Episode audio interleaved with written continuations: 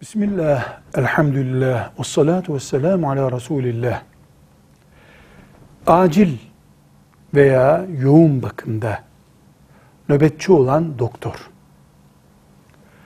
sık sık hastaların geldiği bir hastanede ise veya yoğun bakımda ya da acilde tedavi görmekte olan hastaları varsa ve cuma namazı için gerekli olan yarım saat gibi bir vakit o yoğun bakımdaki hastayı emanet edeceği kanunen yetkilendirilmiş bir asistanı yoksa eğer doktorun cuma namazına gitmemesinde dinen bir sakınca yoktur.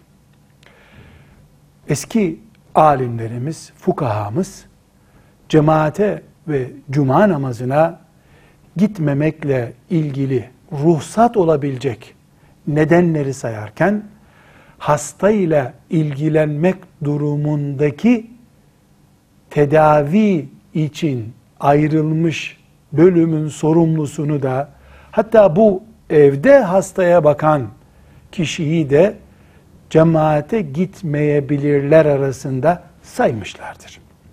Yoğun bakım ve acil bölümleri doktorlarının cuma namazı yerine öğle namazını kılmalarında hiçbir sakınca yoktur. Hatta çok yoğun bir ortamda doktorun kritik hastaları bırakıp cumaya gitmesi caiz değildir bile diyebiliriz.